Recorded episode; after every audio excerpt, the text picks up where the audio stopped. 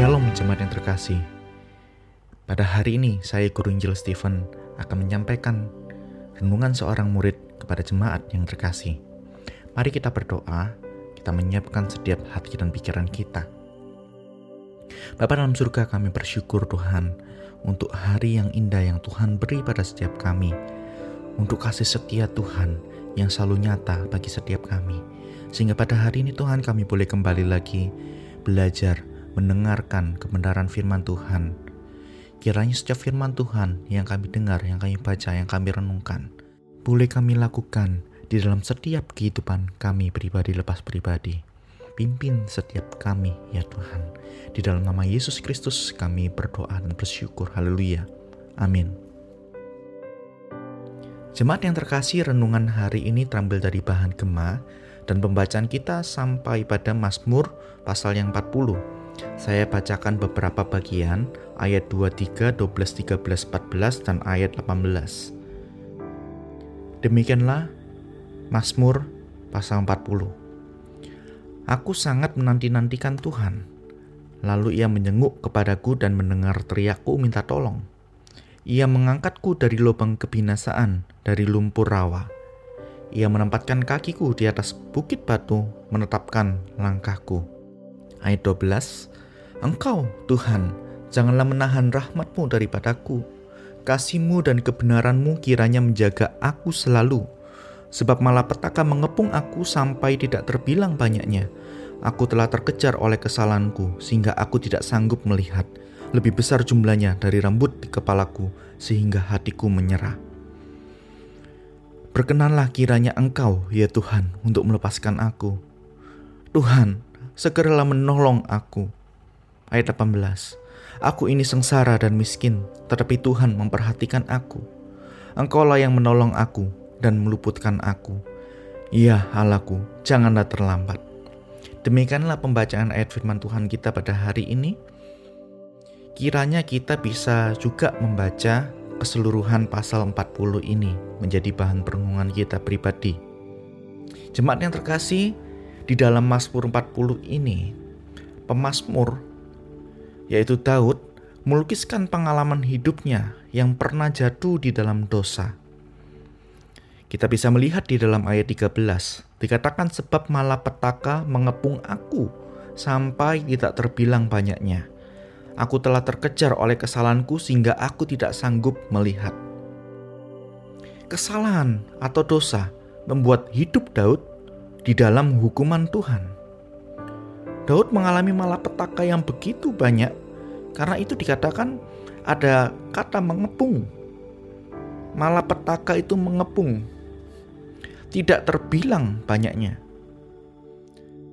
Malapetaka yang dialami Daud ini jemaat terkasih adalah musuh yang begitu banyak dan menginginkan nyawa Daud untuk hilang. Menginginkan Daud untuk mati. Mari kita lihat di dalam ayat yang ketiga dikatakan Tuhan mengangkat aku, Daud, dari lubang kebinasaan. Ayat 15 juga dikatakan hal yang sama. Mereka semua ingin mencabut nyawaku. Ada kata kebinasaan, ada kata mencabut nyawaku. Oleh sebab itu kita bisa melihat malapetaka yang dialami Daud. Yang pertama ini adalah adanya musuh yang begitu banyak ingin menginginkan Daud untuk mati. Tapi selain itu, jemaat terkasih, Daud juga mengalami suatu keadaan kesengsaraan dan miskin. Mungkin ini adalah suatu keadaan yang dialami karena begitu banyak musuh yang mengejarnya sehingga Daud hidupnya menjadi sengsara dan tidak memiliki apa-apa, harus meninggalkan kerajaan dan sebagainya. Ayat 18 dikatakan oleh Daud sendiri, aku ini sengsara dan miskin. Jadi jemaat yang terkasih pemazmur yaitu Daud menggambarkan dirinya sebagai orang yang terjerumus ke dalam lumpur rawa, sehingga ia tidak bisa menolong dirinya sendiri. Oleh karena itu, di dalam kehancurannya, di dalam kesengsaraannya, pemazmur sungguh-sungguh menantikan pengampunan Tuhan. Pertolongan Tuhanlah yang membuat Daud bisa bangkit dan memiliki pengharapan yang kuat di dalam Tuhan. Mari kita bersama-sama belajar, kita melihat mengapa pemazmur sangat menantikan pengampunan Tuhan. Yang pertama jemaat yang terkasih, Daud mengatakan bahwa dia menyadari dosanya di dalam Mazmur 40 ini. Karena bagi Daud kuasa dosa itu lebih mengerikan. Awalnya dosa terasa nikmat, tetapi ujung-ujungnya adalah maut. Oleh sebab itu mari kita perhatikan ayat ketiga dikatakan kebinasaan. Kondisi yang Daud alami adalah akibat dari dosa. Akibat dari seluruh pelanggaran dan kesalahan Daud di hadapan Tuhan. Sehingga Daud harus mengalami kondisi di dalam hukuman Tuhan. Daud berjuang, jemaat yang terkasih, untuk melepaskan diri dari belenggu dosa dengan caranya sendiri Daud berpikir bahwa dengan mempersembahkan korban sembelihan dan korban sajian, Daud dapat lepas dari dosa-dosanya. Kita lihat di dalam ayat yang ketujuh, tetapi Tuhan tidak menginginkan korban-korban tersebut. Karena apa jemaat yang terkasih? Tuhan inginkan pemazmur datang. Tuhan menginginkan Daud itu datang di hadapan Tuhan dan menyadari setiap dosa-dosanya untuk memohon pengampunan dari Tuhan. Bukan dari begitu banyaknya korban-korban yang Daud berikan. Saat ini pun juga sama jemaat yang terkasih. Ketika kita berdosa di hadapan Tuhan, melakukan begitu banyak pelanggaran dan kesalahan, kita tidak bisa, tanda kutip, menyokok Tuhan dengan persembahan-persembahan kita materi kita, uang kita yang besar agar kita diampuni oleh Tuhan. Ataupun dengan melakukan berbagai perbuatan yang baik. Itu semua tidak dapat menghentikan dosa-dosa kita. Karena sekali lagi Tuhan menghendaki kesadaran kita bahwa diri kita adalah manusia yang berdosa. Tuhan tidak menghendaki penampilan yang menipu. Kita berusaha menampilkan yang baik, namun hidup kita sebenarnya kita bermandikan dengan lumpur dosa. Tuhan mau hati kita jemaat kasih. Tuhan ingin kita sadar dan bertobat kepadanya. Yang kedua, pemazmur menyadari bahwa ada anugerah Tuhan yang begitu besar bagi dirinya. Daud sadar bahwa hanya dengan pertolongan saja, Tuhan saja Daud dapat diselamatkan. Ayat 6 dikatakan perbuatannya yang ajaib tidak tertandingi bahkan terlalu besar untuk dihitung. Daud sadar bahwa Tuhan begitu luar biasa, Tuhan maha besar. Sehingga dengan pertolongan dari Tuhan saja, ia bisa diselamatkan. Maka setelah menerima anugerah pengampunan dari Tuhan, anugerah keselamatan itu dari Tuhan, Daud tidak dapat menahan bibirnya untuk memberitakan keadilan, kesetiaan, keselamatan, kasih, dan kebenaran Tuhan kepada mereka yang belum mengenal Tuhan. Itu dikatakan di dalam ayat yang 10 dan 11. Selain itu kita juga bisa melihat Daud semakin berpengharapan di dalam Tuhan.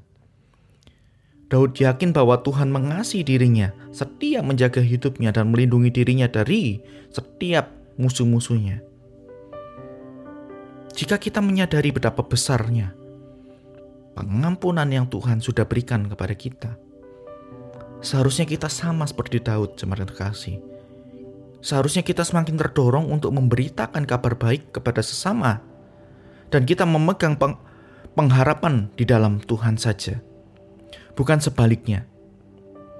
Kita sudah menerima anugerah Tuhan, tapi kita menjadi hakim dan Tuhan atas sesama kita sendiri. Kita merasa diri kita yang paling suci, kita merasa diri kita yang paling benar.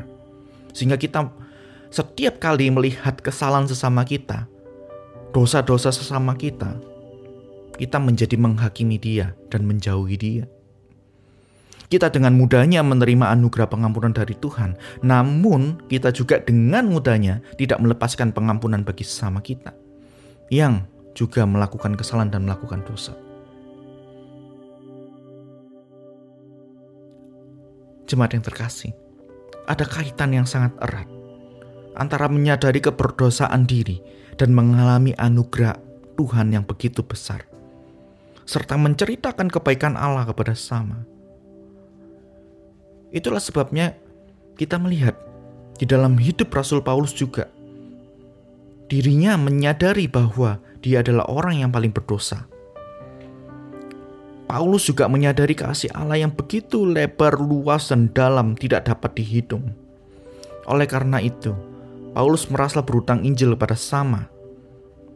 Kesadaran-kesadaran seperti inilah, kesadaran akan keberdosaan diri kita, hendaknya membuat kita seperti Rasul Paulus dan juga Daud. Semakin menyadari anugerah Allah yang besar, maka kita juga semakin memberitakan Injil keselamatan itu. Namun jangan sebaliknya. Semakin kita menyadari anugerah Allah yang besar, tetapi kita juga semakin melihat diri orang lain buruk adanya di hadapan kita. Mari, firman Tuhan hari ini mengingatkan setiap kita bahwa kita tidak luput dari kesalahan-kesalahan, pelanggaran-pelanggaran dosa-dosa di hadapan Tuhan ataupun di hadapan sesama kita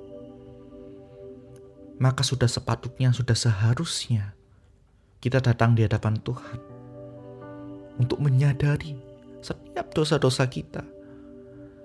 Karena hanya di hadapan Tuhanlah maka kita mendapatkan pertolongan itu. Kita mendapatkan pengampunan. Bukan dengan cara kita sendiri, bukan dengan kekuatan kita sendiri dan lebih dari itu, jemaat yang terkasih, ketika kita sudah mengalami anugerah Tuhan, pengampunan dan keselamatan itu, mari kita membagikan berkat-berkat itu kepada sama kita, agar hidup kita semakin menerangi di sekeliling kita, dan semua orang dapat melihat di dalam diri kita bahwa ada kasih Kristus yang terpancar Mari kita berdoa.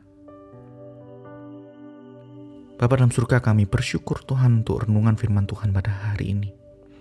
Kiranya Tuhan menolong setiap kami untuk menjadi pelaku-pelaku kebenaran firman Tuhan. Pimpin setiap hidup kami Tuhan sepanjang hari ini. Sehingga setiap kami Tuhan terus sadar bahwa kami membutuhkan Tuhan di dalam setiap hidup kami. Hanya dalam nama Yesus Kristus kami bersyukur dan berdoa. Haleluya.